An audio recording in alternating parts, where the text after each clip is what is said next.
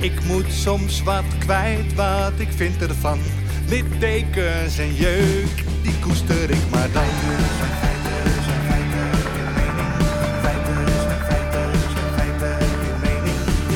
Duidelijk en luid. Riemen vast vooruit,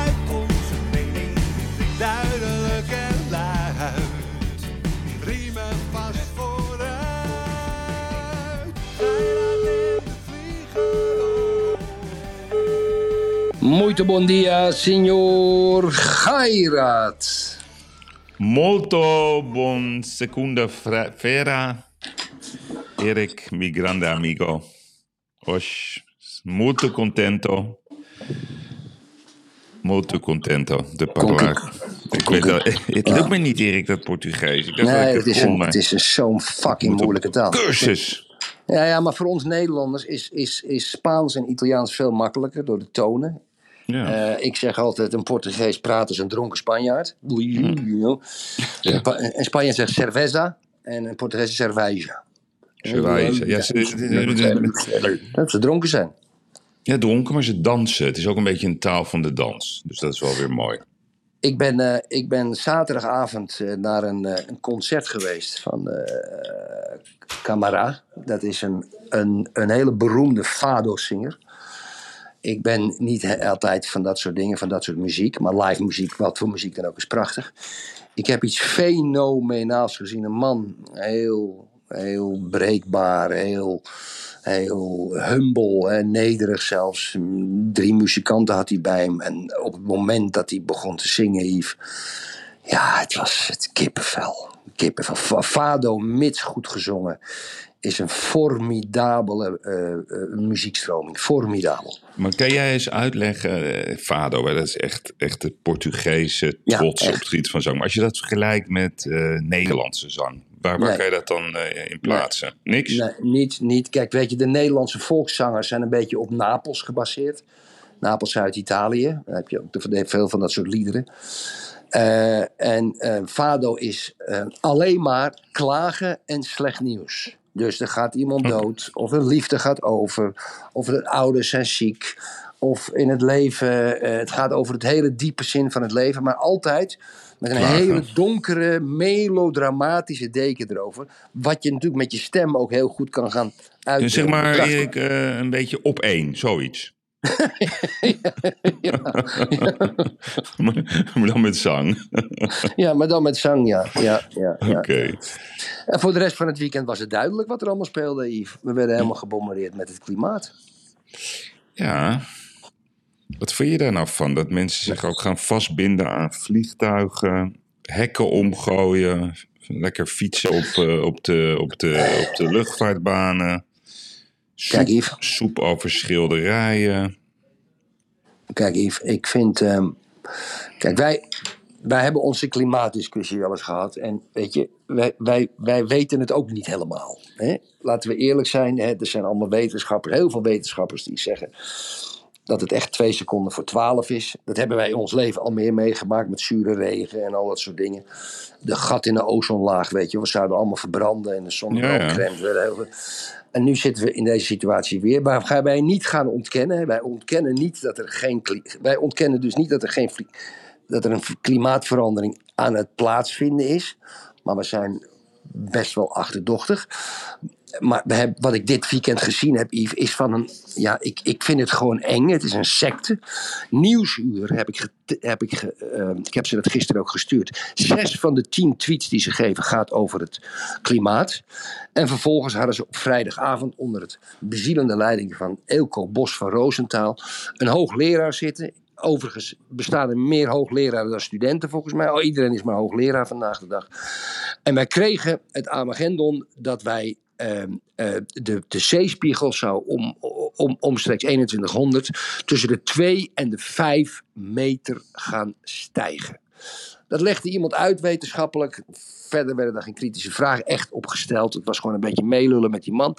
Vervolgens hetzelfde moment hebben we in Egypte een klimaatoverleg... waar Frenske volgevreten Timmermans zit. Alleen maar privéjets. Ik heb dat filmpje gezien op het vliegveld. Daar staan rijen met privéjets. En als klap op de vuurpijl, dan sluit ik af, hebben we eh, een aantal meisjes gezien.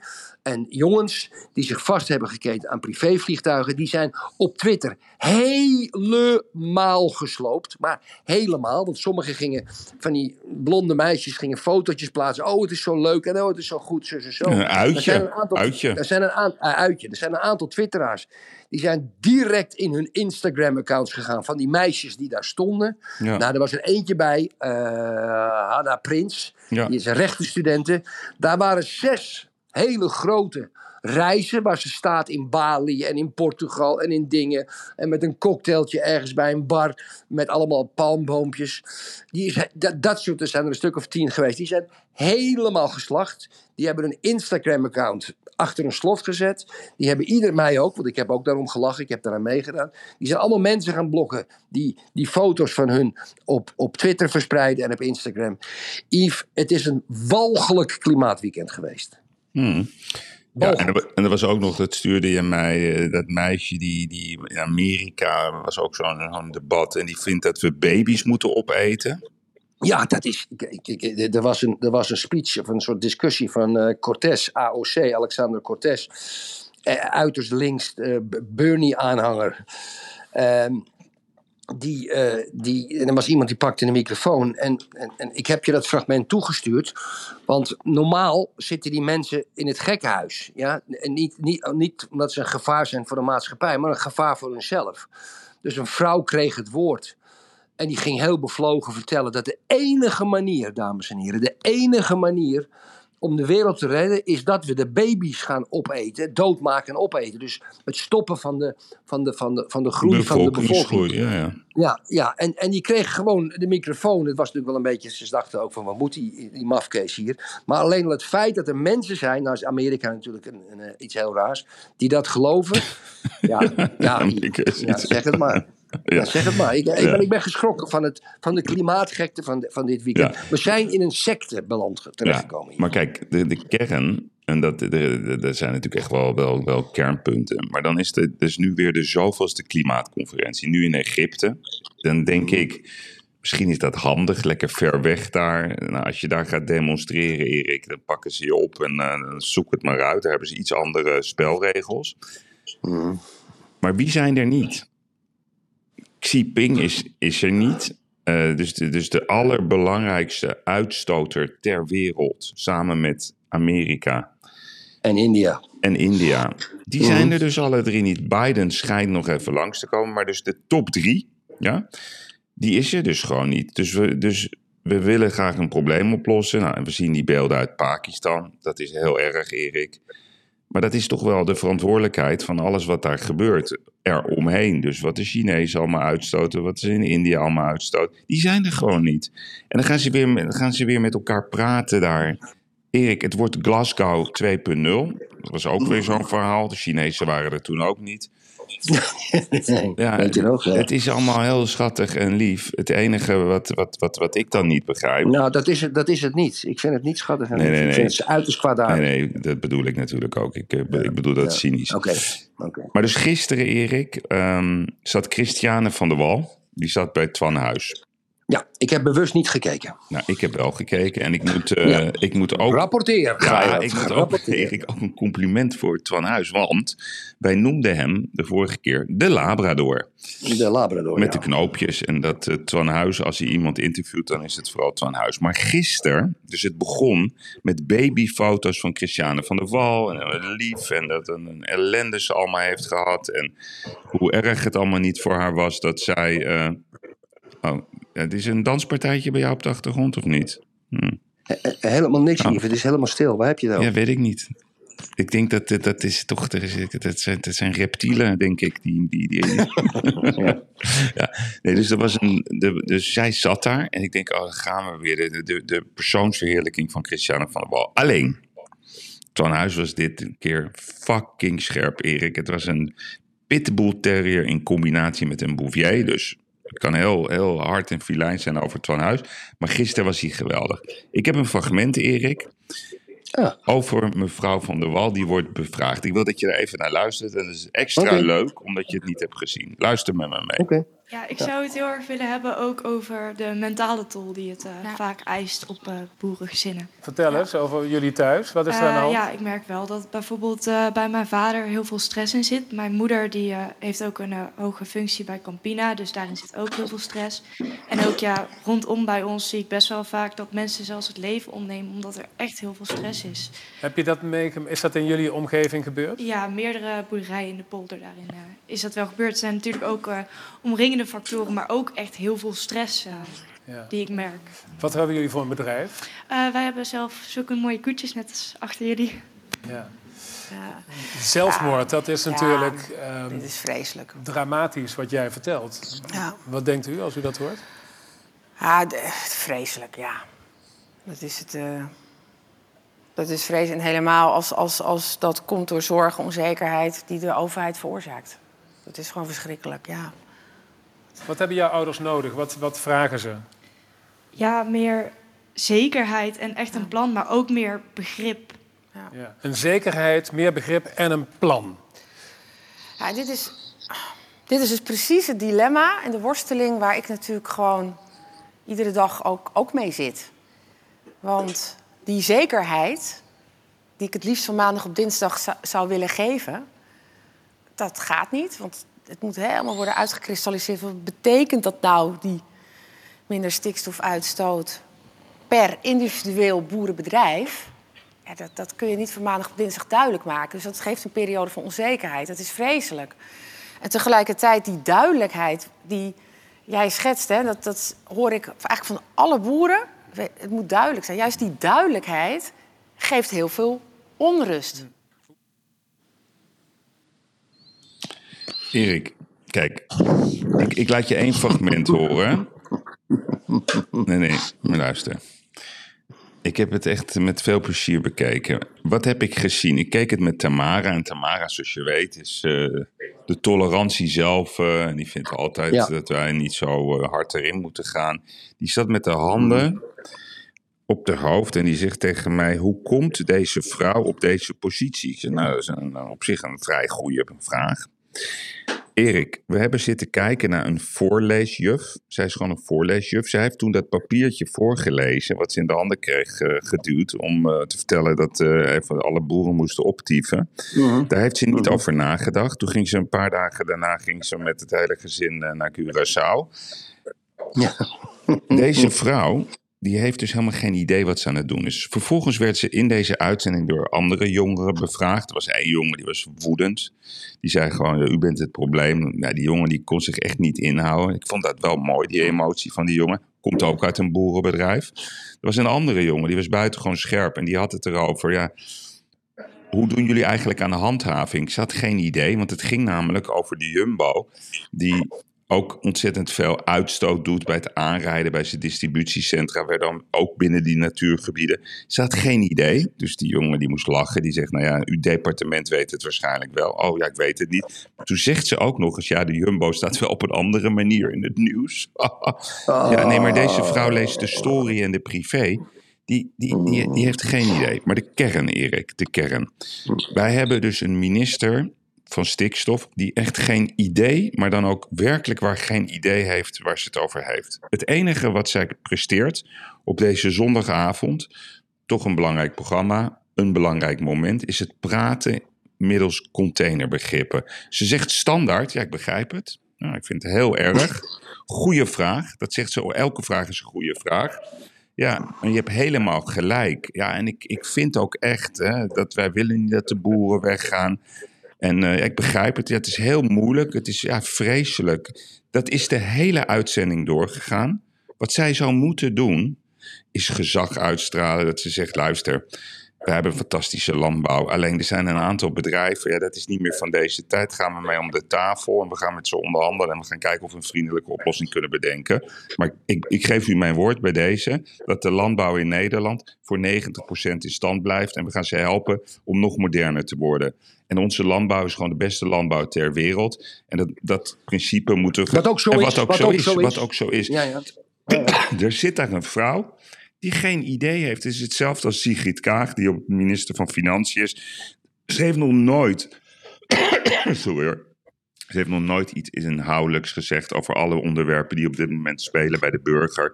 Ze heeft het ook alleen maar over het klimaat en over eh, leuke tweetjes die ze doet. Wij hebben te maken, Erik, met, met, met ministers die om de een of andere bizarre reden dit soort verantwoordelijkheden krijgen, maar totaal, maar dan ook totaal niet op de hoogte zijn van hetgeen ze verkondigen. Het is zo droevig om hier naar te kijken, maar ondertussen vertelt dat meisje de kern. We hebben stress.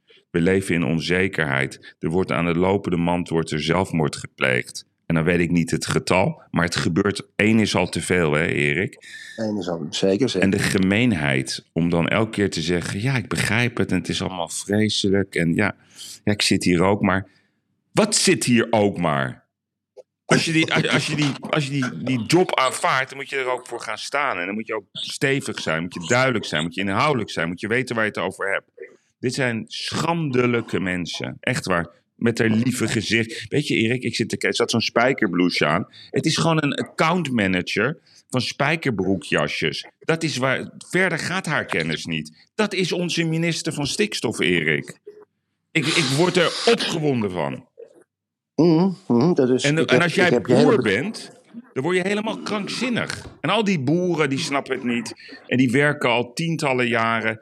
Ze blijven maar veranderen. En ja, wij zijn het ermee eens dat die veeteelt, die intensieve veeteelt, dat dat anders moet. En dat dat gekkenhuis is. Dat vinden wij ook. Maar ga het gewoon eens een keertje oplossen. In plaats van dit soort domme tv-shows en jezelf een beetje mooi opmaken. En totaal niet weten waar je het over hebt. Yves Geirat, ik denk dat de luisteraars en, eh, en ondergetekende met grote interesse naar je betoog hebben geluisterd. Kijk, en in de basis, lieve Yves, ben ik het natuurlijk helemaal eens met jouw stelling, wat eigenlijk een definitie is. Dat er ministers op plekken gezet zijn die één, ehm, ehm, eh, niet de vereiste studies hebben gedaan wat hun ministerie van hun vraagt. Gewoon de feitelijke basiskennis. En twee, te zwak zijn om, hun, eh, om de beslissingen van het coalitieakkoord te verdedigen. En dan fout op fout stapelen. Laat mij toch wel terechtkomen bij het feit dat de leiders van dit showtje, en dan praat ik even over mevrouw Kaag, die natuurlijk alle wetten en alles in de coalitieonderhandelingen naar haar toe getrokken heeft, omdat Rutte aangeschoten wild was, en aan Rutte zelf. Kijk, zwakkelingen omringen zich altijd met zwakkelingen. Vervolgens omringen die zwakkelingen zich ook weer met zwakkelingen. We zijn op een glijdende schaal terechtgekomen. Het, wordt, het wordt gedicteerd door minderheidscommissies en clubjes en, en gesponsorde en gesubsidieerde instellingen. En die in, die in een, in een conctie met de, ik noem het maar even, de staatsmedia, de media aan zich, een soort wereldbeeld aan ons voorschotelen. Ja? En dat wereldbeeld hebben we maar te accepteren. En degene die het niet accepteert, ja, die wordt weggezet als een idioot, als een fascist, als een mens die niet deugt. De kern is dat we heel dicht bij de rand van de klif staan. Eh, Met dit soort Oké, figuren. maar Erik, maar Heel, laten we nu even, wij, stellen vast dat wij, wij zijn niet de aangewezen personen om de complexiteit van, van klimaatdiscussies te behandelen. Dat, dat, dat kunnen we niet en dat wil ik ook niet. Maar nu, maar nu doe ik met jou de gezond verstand discussie. Ik, ik heb in de afgelopen 30 jaar, nou, honderden, honderden, honderden, honderden, honderden mensen uit het buitenland gehad, uit de hele wereld, rond door Nederland gereden. Eh, of het nou Chinezen waren, mensen uit India, maar ook Amerikanen uit Zuid-Amerika, noem het allemaal op. En altijd zeggen ze, wat is dit toch een mooi land, al dat groen, het is allemaal zo verzorgd, jullie wegen zijn fantastisch.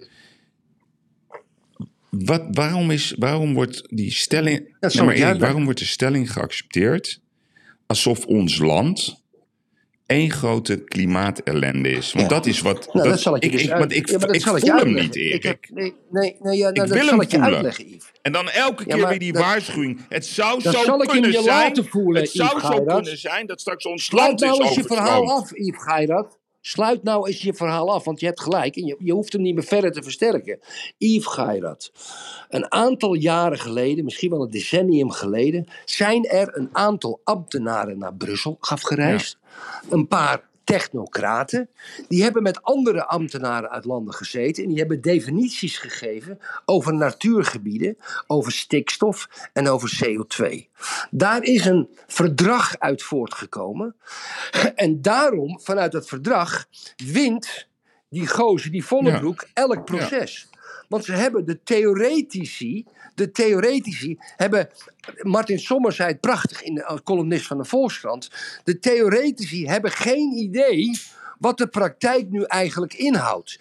En omdat de theoretici met z'n allen een contract hebben gemaakt, waar wij ons wettelijk aan moeten houden, kunnen dat soort gasten als Vollebroek naar de rechter stappen en winnen. En die ministers moeten dan uitvoeren. Theorie en praktijk is totaal van elkaar afgescheiden in dit land en in een heleboel andere landen. En zeker als het gaat om de klimaatdiscussie en al helemaal als het gaat om de stikstofdiscussie. Dat is de kern, Ja. Yves En weet je wat ook de kern is? Ja, ja, is dat, is dat een beetje is dat een ja van... eh, ja, nee, oh, prachtig, Erik. Oh. Maar ja, Oké, ja. Kijk, je hebt een voorlees, je hebt de voorleesjuf De voorleesjuf, die noteren we even. en Mooi, je hebt de snelle denker. En dat ben jij. Dus bij jou ook nog wel eens, dat ik denk, ja, zou ik het eruit, maar ik hoef het dus helemaal niet uit te leggen. Ik hoef alleen maar een, een halve zin te zeggen. En dan, dan komt er een, dan komt er, dan komen er, ja, Erik, betogen, die zijn zo prachtig. Dus ja, eren eer, eren dankjewel. eren toekomt. Nee, maar Erik. Wie, wie, wie, wie knipt jouw oorharen bijvoorbeeld? Doe je dat zelf? Eh, nou, zo even van de hak op de tak. Eh, nou, ik ben nee, dat vroeg ik dan tussendoor in af. Turkije, Erik, heb ik me een keertje, dat is dat wax, hè? Dan, dan, dan smeren ze dat wax op je Ja? oren. Oh, Dat is ja. zo pijnlijk, Erik. Dat, dat scheuren ze gewoon je huid eraf, maar, maar bijna agressief. Ehm, meestal vrouwen die het doen en die kwijlen erbij. Die vinden dat een soort. Ja, die vinden dat zo'n feest. Ik moet je wel zeggen, als het gebeurd is, dat voelt heel lekker, heel zacht. Alleen ik ben niet meer, ik, ik doe het niet meer. Dus hoe ik het wel doe, is ik heb zo'n zo'n zo'n apparaatje wat in je oor kan ik het wegscheren. Dus ik, ik doe dat Ja, ja. zelf. Ja, dat en heel wel. soms Ja, doe je dat ja, ik zelf? doe het zelf. En heel soms, als je zo'n lang haartje hebt, dan vraag ik maar of ze het even wil wegknippen. Teennagels, Erik, dat doe ik zelf. Ja, ik Lekker. zelf. Ja, ik Moet ook. je even Ja, goed, ja, goed zelf. stretchen en dan zelf knippen. Die zijn Ja. wel wat harder, hè, die teennagels.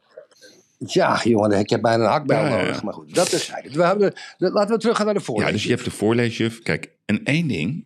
Ik ben wel de enige man in Nederland die... Nou, wat is het? 15 jaar geleden had ik de beurs Green Today. Dus ik denk, nou, we gaan een duurzame samenleving in. Laten we mooie de ideeën, innovatie, samen met de bedrijven. En toen heb ik dus gezien het verschil tussen de micro-economie. Voor mij zijn de boeren, Erik, is micro. Die gaan gewoon ochtends opstaan om vijf uur. Sommigen om vier uur. Melken, werken, werkgelegenheid, voedselvoorziening, noem het op. En je hebt de macro. En de macro die praat altijd met dubbele tong. Dus A zegt ze, ja, de wereld vergaat. Maar hun gedrag, Erik, die leidt dat de wereld vergaat. En dat wil maar niet landen bij de mensen. Het wil maar niet landen dat Shell is de brandweerman, is de pyromaan en die gedraagt zich als een brandweerman. En dat principe, pyromaan, brandweerman. Ik vind dat al die grote vervuilers, want die zijn er wel degelijk, dat zijn de enige partijen die moeten worden aangesproken. En we moeten de mensen een keer met rust laten, gewoon. Gewoon de, gewoon de kleine ondernemers, en het kunnen ook grote boerderijen zijn. De Rabobank is verantwoordelijk voor de financiering. Laat ze het oplossen dat ze al die veeteeltbedrijven zo hebben opgebouwd. De Shell is verantwoordelijk voor vervuiling. De Tata Steel is verantwoordelijk voor zijn gebied. Daar zit de kern van het probleem. Ik moet ook niet die vliegtuigen over mijn huis, Erik. Dat vind ik ook niet fijn. Dus laten we andere routes bedenken. Maar kap, kap, kap ermee met elke keer de zwakke partijen Ja, aan ja, te vallen. ja, die niet georganiseerd ik, zijn. ik. Word daar Je ziek moet, van. je, moet eens naar, je moet eens naar koplopers kijken op WNL. Dat is, eh, ik dacht één of twee keer in de week, is een prachtig programma. Koplopers. Dat houdt, dat, dat, dan zie je hoe het boerenbedrijf, eh, hoe de mensen aan het veranderen zijn. Dan zie je hoe goed de Fantastisch, Nederlandse boeren fantastisch, zijn. Erik. Hè? En, en dan gaan ze op vlas en ze- de ene gaat op riet En de ander gaat op dat, weet je, voor de isolatie van de huizen. Samenwerking met een bouwer een huis. Fantastische dingen. Fantastische dingen. Kijk, dat je, daar moet je juist steun aan geven en niet aan het andere gelul. Maar neem nou eens, want, want die hele, dat, dat imbeciele klimaatweekend wat we gehad hebben. We hebben namelijk ook bij de NPO D66, want anders kan ik het niet noemen. Zat natuurlijk Rob Jetten, zat bij Buitenhof. Ja. En die zei, dus, die zei dus dat we 25 miljoen naar Pakistan moesten overmaken. Want we moeten Pakistan ook Ja. helpen met het klimaat. Hij zei eigenlijk nog, die arme landen, dat is eigenlijk onze Ja, schuld. Ja, en die moeten we betalen. Dus zo'n gastje, die heeft helemaal geen idee. Het is net alsof hij achter een gokkast in Las Vegas staat. Gooi er maar geld in. Ja, en die zegt dus die 25 miljoen naar Pakistan. Pakistan heeft een fucking atoombom. Ja? En dan zeg je, wat heeft het een nou met het ander te maken? Nou, als ze geld hebben om kernwapens te, te maken, dan hebben ze ook geld om 25 miljoen aan iets aan het klimaat te doen. Hè? Trouwens, dat is een druppel op de gloeiende plaat, die 25 miljoen. Maar dan schieten ze in die automatische stand, zonder oplossing, ja? zonder idee, ja? zonder bezieling, ja? zonder passie, ja? zonder emotie. Zeggen ze, nou, weet je wat? Schrijf een cheque uit. Dat is het enige wat zo'n lul kan doen. Zo'n Rob Jetten, zo'n gevaarlijke lul. Dat is het enige. Maak maar geld over. Frans Timmermans, maak maar geld over. Want de arme landen zijn schuldig dat wij het rijke Westen. Het is nou net nog niet dat ze het woord koloniale Westen erbij gebruiken. Maar ik word, ik word gek. Waarom gaan we niet op een Ja, ander we gaan op een even, even dit onderwerp afsluiten. Ik had een lezer of een luisteraar die eh, stuurde ons een mailtje. Die, die geniet van onze podcast. Ehm, en die zei: Is het een idee dat, eh, dat ik, maar we kunnen het ook samen doen, de heer Vollebroek uitnodigt voor een special? Ja, Erik. Ik, ik weet niet of ik daar zin in heb om met die Vollebroek. eh maar ja, aan de andere kant, wat zullen we doen? Zullen we hem uitnodigen? Nou, kijk Yves, ik weet niet. Kijk, jij zei in het begin van je betoog al dat wij niet de Nee, dus, aangewezen dat wordt een zijn lastige discussie hoor. Die, die feitelijk diep op die materie in kunnen gaan. Dus dat ga je feitelijk Nee, van feitelijk feitelijk verlies ik, maar misschien. eh nou, ik ga toch over nadenken. Alleen als je een, in, alleen als je een, in, een, een insteek met welvaren, Nee, welstand, maar gewoon over het welzijn, leven. eh, filosofisch. Oké. Ja, ja, dan ga je man. Ja, ja. Ziet die kerel er slecht uit trouwens, hè? Jongen, jongen, niet te geloven, zeg dat hij. Ja, die, moet, die, moet, die moet eens een keer vier blaadjes slaan nemen in Ja. plaats van drie. hey, even kort, Erik. Ik ga het er niet te lang over hebben. Maar ik was natuurlijk ge- ik was Mhm. Gisteren bij Ajax nee, PSV. Het was eh, vernedering, Ja, ja, ja, vernedering nummer lang, niet te lang. 7. Ja, ja, ja. Kijk, ik weet niet wat Piet Hamberg ervan vindt. Want die vindt dat wij... die vindt dat, vindt dat... Ja, Piet, die trouwens nog steeds niet heeft gereageerd naar Fleur. Vind ik erg onsportief van je, Piet. Zeg ik je erbij. Ehm, Nou, we moeten Schreuder meer tijd geven. Maar gisteren zaten wij te kijken naar die wedstrijd. Je hebt geen idee, en er wordt ook helemaal niet over gesproken bij, bij al die analytische programma's. De linies, Erik. De afstanden tussen de linies, dat is de kern van positiespel. En hoe je druk zet en hoe je weer terugzakt. Je hebt geen idee, die afstanden. Het, het, het, zit dat hele Ajax, Erik, dat is binnen drie, vier maanden een schim. En dat is nog eigenlijk een compliment van wat het zelf ooit was. Een schoonheid voor het Nederlandse voetbal. Niemand functioneert nog. En hij zit er weer bij met zijn boekjes en met reiziger. En dan zitten ze weer wiskundige berekeningen te maken. De man ziet het niet. Maar hoe lang moeten we dit nog aanzien? ja, we moeten tot het einde van het jaar de tijd geven. Maar dit is al het einde van het jaar. Ja, ze begint- moeten de nog naar. Vitesse. Of Vitesse krijgen ze nog thuis. En dan Emmen. Ja, dan krijgen ze misschien wel een geweldig voetbal weer tegen die teams. En dan staat die bovenaan. Maar het is een niveau. Het is, het is, het is verschrikkelijk. Ik hoorde trouwens een opmerkelijk gerucht. Maar- En ik ga het toch even benoemen. Ehm, Mhm. ik hoorde dus, en dat is echt van de RVC, dus ehm, Kijk je nee, wel nee, uit, het is, eh, ik vond het een heel betrouwbaar gerucht. En eh, van een hele betrouwbare persoon. Maar ik, ik ga. Zullen we, zullen we alvast wat disclaimers erin gooien? Anders wordt Erik Smit weer boos en Rudy Ja, misschien Bauma. kan Rudy Bauma het gaan checken of het allemaal. Ik verwacht trouwens Oh, ook ja. een filmpje van Rudy Bauma over alle klimaatuitspraken van de afgelopen 30 jaar. Wat er nou echt, echt is gebeurd. Daar, gaat, gaat hij een onderzoek naar doen, dat weet ik zeker. Onze Ja, fact onze- de wereldkampioen fact-checken. Ja, ja, ja. Nou, ik heb een fact-checking voor eh, Mike Verwij. Best Mike, ik heb eh, heel duidelijk gehoord dat, eh, dat er wordt gezegd dat Ajax 2 miljoen, 200 miljoen ongeveer aan spelers heeft verkocht. En ongeveer 100 miljoen heeft ingekocht. Laat het even, even ruim trekken. Maar ik hoorde dat per saldo het ongeveer gelijk was. En dat komt, Erik, door de krankzinnige commissies die betaald zijn aan de zaakwaarnemers. Dus, wat is het verhaal? Dat Ajax niet 100 miljoen eh, aan de strijkstokken heeft overgehouden aan deze roerige transferzomer, maar per saldo bijna nul. En dat komt door de zaakwaarnemers. En ik, we gaan dat teruglezen natuurlijk volgend jaar in de jaarrekening. Maar, toch, maar toch vind ik het echt, beste Mike Verwij, de moeite waard om het echt uit te zoeken. Dus ik geef jou deze gouden tip vanuit eh, de RVC. Oké, nou heb ik wat aan toe te voegen. Want dit is ook een beetje vers nieuws voor mij. Ehm, ik doe nooit Erik, uitspraken Yves, over hoe ik de contact heb met journalisten. Maar ik vind. Mike Verwij een Afronden. Kuipers is het amabele er man. niet mee eens, Ja. want die fluit jou nu weg. Kuipers, moet, Kuipers, we gaan even naar de extra tijd. Kijk, ehm, eh, dames en heren, ik heb vanuit een makelaar, Engelse makelaar, zelfs een partner van me, die heel veel zaken doet in Brazilië. Die heeft mij een aantal artikelen gestuurd eh, over de, het schandaal eh, wat met de ehm, transfer met eh, Anthony heeft Mm. plaatsgevonden. Ja? Waarbij er tot 30 miljoen euro, ja, het zal misschien wel overdreven zijn, drie kanten, waardoor er met 30 miljoen e- euro aan allerlei zaakwaarnemers zijn betaald. En er was één commissie, die is op instignatie van Ajax zelf gegaan. Dus Ajax heeft gezegd: nee, deze man moet ook een commissie hebben.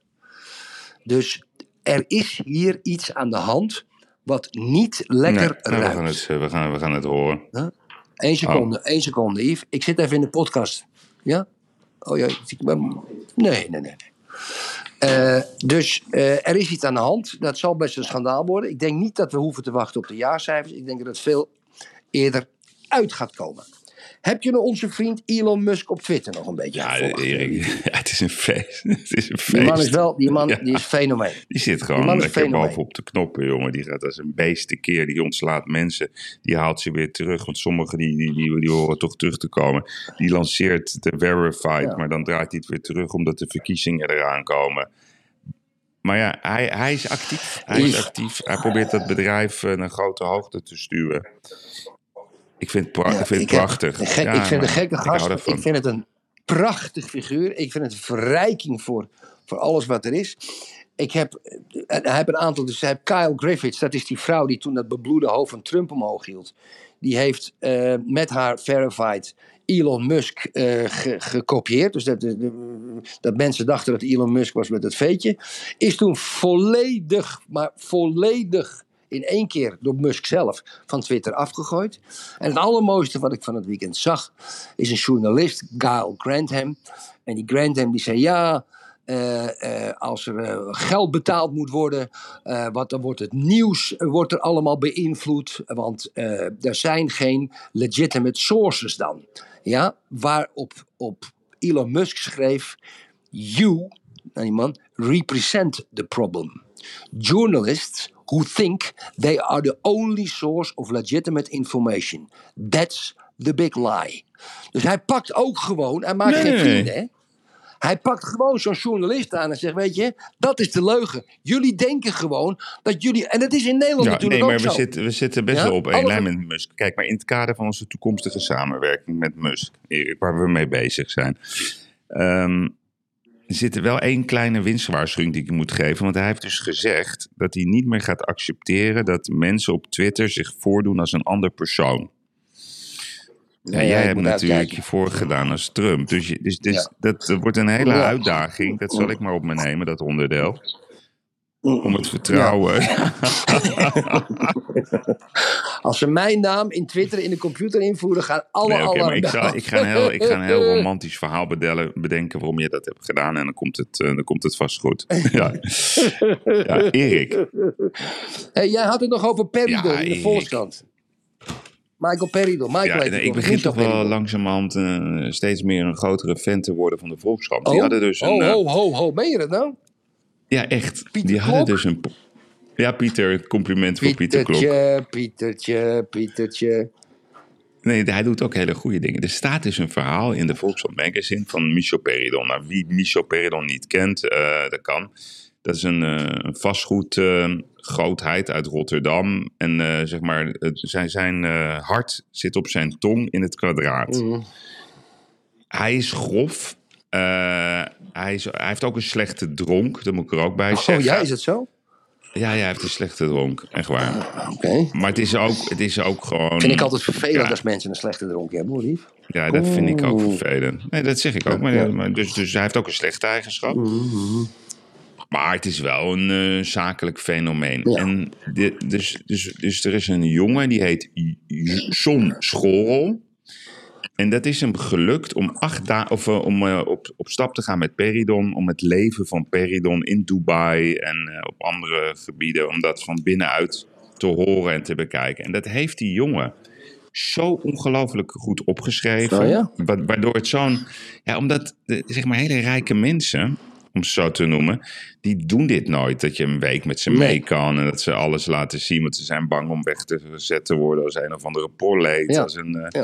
als een rijke patser. Nou, en dan staat hij weer op die boot. Ja, dat is ook een beetje patserig. Dat vind ik ook. Maar het is zo'n mooi stuk geworden. En ik vind dat die John Schorl, die heeft een ongelooflijke goede balans neergezet.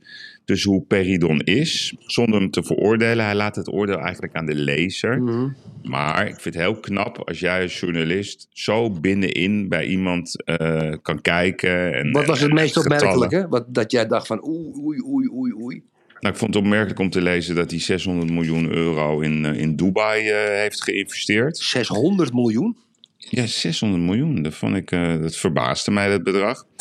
Ik vind het grappig. Dan is er een anekdote in het stuk. En dan zegt hij: ja, Ik was op de jaarlijkse Prinsjesdagborrel van Harry Mens. Thank you very much, zegt- Claudia, for the cup of coffee. Thank you very much from all the listeners. Ja, ja ga door, Yves. Sorry. Ja. Hoor je me? Dus hij was op de borrel van Harry Mens. En dan zegt hij: ja, die, die Schorl is een extreem linkse journalist. Hij gaat je wegzetten als een ka- kapitalist. En dat schrijft hij dan ook zo op hoe dat gesprek gaat. Ja, meen je dat? Nee, maar ik, maak, ik, nee, ik ga je gewoon portretteren. Maar het maakt het niet uit of je links of rechts bent. Wat leuk. Ehm, ik vind het ook mooi dat Peridon is van de tegeltjes. En, hij, en dat had, had jij ook kunnen zeggen, dit. Hij zegt ook, ehm, moet ik hem even erbij pakken. Eh, ja, dan zegt hij over wie er allemaal voor hem werkt. Ik praat met iedereen, van hoog tot laag. En als het moet, Erik, Oh, praat ik ook nog met een stoeptegel. oké, oké. Nee, nee, maar het is een heerlijk verhaal. Fijn. Echt waar, een. Mooi, heerlijk mooi, verhaal. mooi, mooi, mooi. Yves, ik, Echt ik een stel- aanradertje. Ik stel voor dat we even naar het laatste onderwerp gaan. Dat vind ik toch erg belangwekkend, want daar hebben wij van het weekend even over gesproken. Ja. En dat is toch een maatschappelijk verschijnsel. Dat is de deepfake porno. Oh, Ja, Ja. jij dacht dat ik over David Icke wilde beginnen. ja, maar, wil ik maar het ook nog even met jou Ja, dat, maar dat, kan, dat doen we morgen. Ja? Oké. we. Anders wordt het te lang voor de luisteraars ook. Het moet leuk zijn. Kijk, jij zei tegen mij, ik zal het even aan de luisteraars vertellen, dat mag ik zeggen natuurlijk, denk ik. Jij zei dat deepfake porno, Erik, dat is heel gevaarlijk. Want stel je nou voor Ja. als vrouw, ja, of als artiest of dingen, dan maken ze gewoon een gezicht zo helder in een pornofilm, dat ja, echt de mensen denken dat het die persoon is. Ja? Ja. Ja, maar, maar stel je nou eens voor hè, dat, dat, ehm, ehm, dat er een pornofilm gemaakt wordt met vier vrouwen en twee mannen. Ja? En mensen monteren onze gezichten in die pornofilm. Ja? Mhm. Lichaam, of weet ik veel, dat kunnen ze allemaal heel technisch, allemaal heel goed doen. Ja, en dat weten wij niet. En opeens komt dat, staat dat op zo'n pornokanaal, hoe heet het, Porn, Pornhub, of weet ik veel wat. Nou, je weet het allemaal heel goed. Ja, Pornhub, eh, ehm, eh, RedTube, eh, eh, ehm, eh, X-Hamster. Ja? X-hamster. X-Hamster. ja, kijk, dus, dus, dus stel je nou voor en, en, en, en een vriendin ja, van Tamara belt Tamara op en die zegt... een vriend van een vriend staat een pornofilm te kijken, daar doet je man in mee. Mm. Hoe zou Tamara daarop reageren? Ja, weet je, ik weet niet of ik dit echt in het persoonlijke wil gaan trekken. Ik, wou- ik, ik, ik, ik, las, een, ik las een stuk, Erik, vandaag. Ben je saai, zeg, op maandagochtend. Hè? Luisteren, Ja, luisteraars, ja. hij wordt een beetje... Hij is... Ja, oké. ja, ga door. Nee, maar dat, dat is Welmoed Seidsma. Die is in die wereld gedoken. En Welmoed is, eh, Welmoed is eh, die mooie blonde verschijning bij Op1... die altijd naast George Kelder Oh ja, zit. Of, oh ja. of, Ke- of Kelder zit naast haar. Ja. Het is maar hoe je Ja, het bekijkt. Ja. Eh, dat vind ik een leuke persoon. Scherp ook, scherp meisje. Ja, heel rustig, en, eh, maar altijd eh, wakker. Nou, vanavond is op NPO 3, dus op Nederland 3, is, er, is daar een verhaal over. Over, die, over hoe dat dan werkt. En, en heeft ze een, een, eh, een fitness-influencer, Nochtiel Peralta. Die is op die manier zeg maar een keertje misbruikt. Ja, want er waren naakfoto's online gezet. ja, ik vind het wel een tricky. ik vind het wel. Het is niet fijn, Erik. Het is niet fijn omdat de schade, als de verspreiding plaatsvindt. En, ja, dan is het al gebeurd. En zeg maar de correctie, dat is altijd te laat. Hetzelfde als er een artikel in de krant staat over jou of over mij. Wat niet klopt. En dan staat er eh, een week daarna, op pagina 18, staan er twee regels. Ja, het klopt er niet. Ja, ik weet niet. Ik vind dit wel iets. eh, het, is, het is niet fijn voor jonge mensen als, als zij hier slachtoffer. En zeker niet voor vrouwen. Wacht even, Yves. Five Ja. minutes. Kijk, eh Yves. ehm, ja, dat. dat ik, ik- hoe scherp je was. Ik, ik vind dat je een beetje nu heel, heel erg luchtig hierover doet. Ik zou er geen enkel probleem mee hebben. Nee, hoe bedoel je hoe scherp? stom? Ik ben, het, ik ben het niet met je eens. Dat kan toch? Maar dat heeft toch niet met scherp te maken? Het zijn, dat zijn dingen die zijn in de toekomst. Je krijgt ook. Nee, dit is jouw droom. Jij, wilt, nee, jij droomt ervan om, om als pornoster door het leven te gaan. Dat is dan het echte verhaal. Zal dat het zijn? Ja, dat is het. Dan ga ik het toch even. Ik, wil, ik, ik, heb hier, ik ga het af, onderwerp nu afsluiten. Ik voel me een beetje betrapt. Oké. nee, maar het, ik, ik hoorde Custodio al. Dus we gaan hem ook afsluiten. Kijk, morgen gaan we het zeker even hebben over David eh, Icke. We hebben daar ook wat brieven over gekregen. Van, nou, wat? Best wel veel lu- luisteraars. eh, die hier iets Boos? Nou, die vinden wel, eh, ik zou er even eentje noemen, die zegt letterlijk. Zojuist beluister ik jullie podcast. Ik ben echt geschrokken van jou, Yves. Even een mail. Ik hoop ook dat je. Hoe kan jij als man met zelfrespect en gezond verstand zeggen dat Ike een antisemiet en een opruier is, een slecht mens die je haat? Yves, je mag niet haten en je hebt je niet verdiept in die man. Nou, Nee, je misschien een beetje gelijk in. Nou, dat gaan we morgen bespreken. Dus Ja. ik heb me wel in de beste man verdiend en, eh, verdiept. En ik wil er absoluut over hebben. Graag. Eh, wil je dan ook, wil je maar dan niet ook even terloops. Niet dat even klopt. terloops. Dat vind ik heel goed. Maar ik zou dan wel graag doen. willen dat je Ja. eh, een paar, twee antisemitische opmerkingen van hem eh, in, de, in, in de podcast noemt. Ja, ik heb eh, zeker eh, fragmenten van de beste man. En eh, daar gaan we het dan ook zeker over hebben. Gezellig, jongen, gezellig. Maar dat is Oké. weer morgen. Dus eh, ga jij lekker aan de gang. Ik ook. Eh, drukke week wordt het. Dus eh, ik heb er zin in. Ik vond, het weer een leuk. fijne, ik vond het weer een fijne podcast, Yves. Heel fijn, Erik. Geweldig. Dagelijks is toch wel relaxed, hoor. Het is de beste podcast van Nederland, Erik. Ja, veruit, jongen. Niet te geloven. Zou een lintje, moet, lintje moeten krijgen. Lintje. Een liedje. Is goed. Oké. Tot morgen. Hoi, hoi. Dag luisteraars. Bye bye. Bye bye. idee. Hoi, hoi.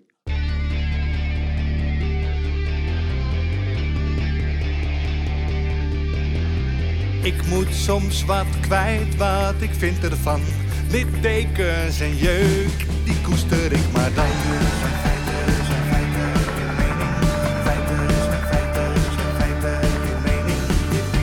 Duidelijk en luid. Riemen vast vooruit onze mening. Duidelijk en luid. Riemen vast vooruit. Geiraat en de vlieger. Oh, oh, oh. En de vlieger. Ik moet soms wat kwijt. Mijn mening. Meer dan 80 jaar ervaring.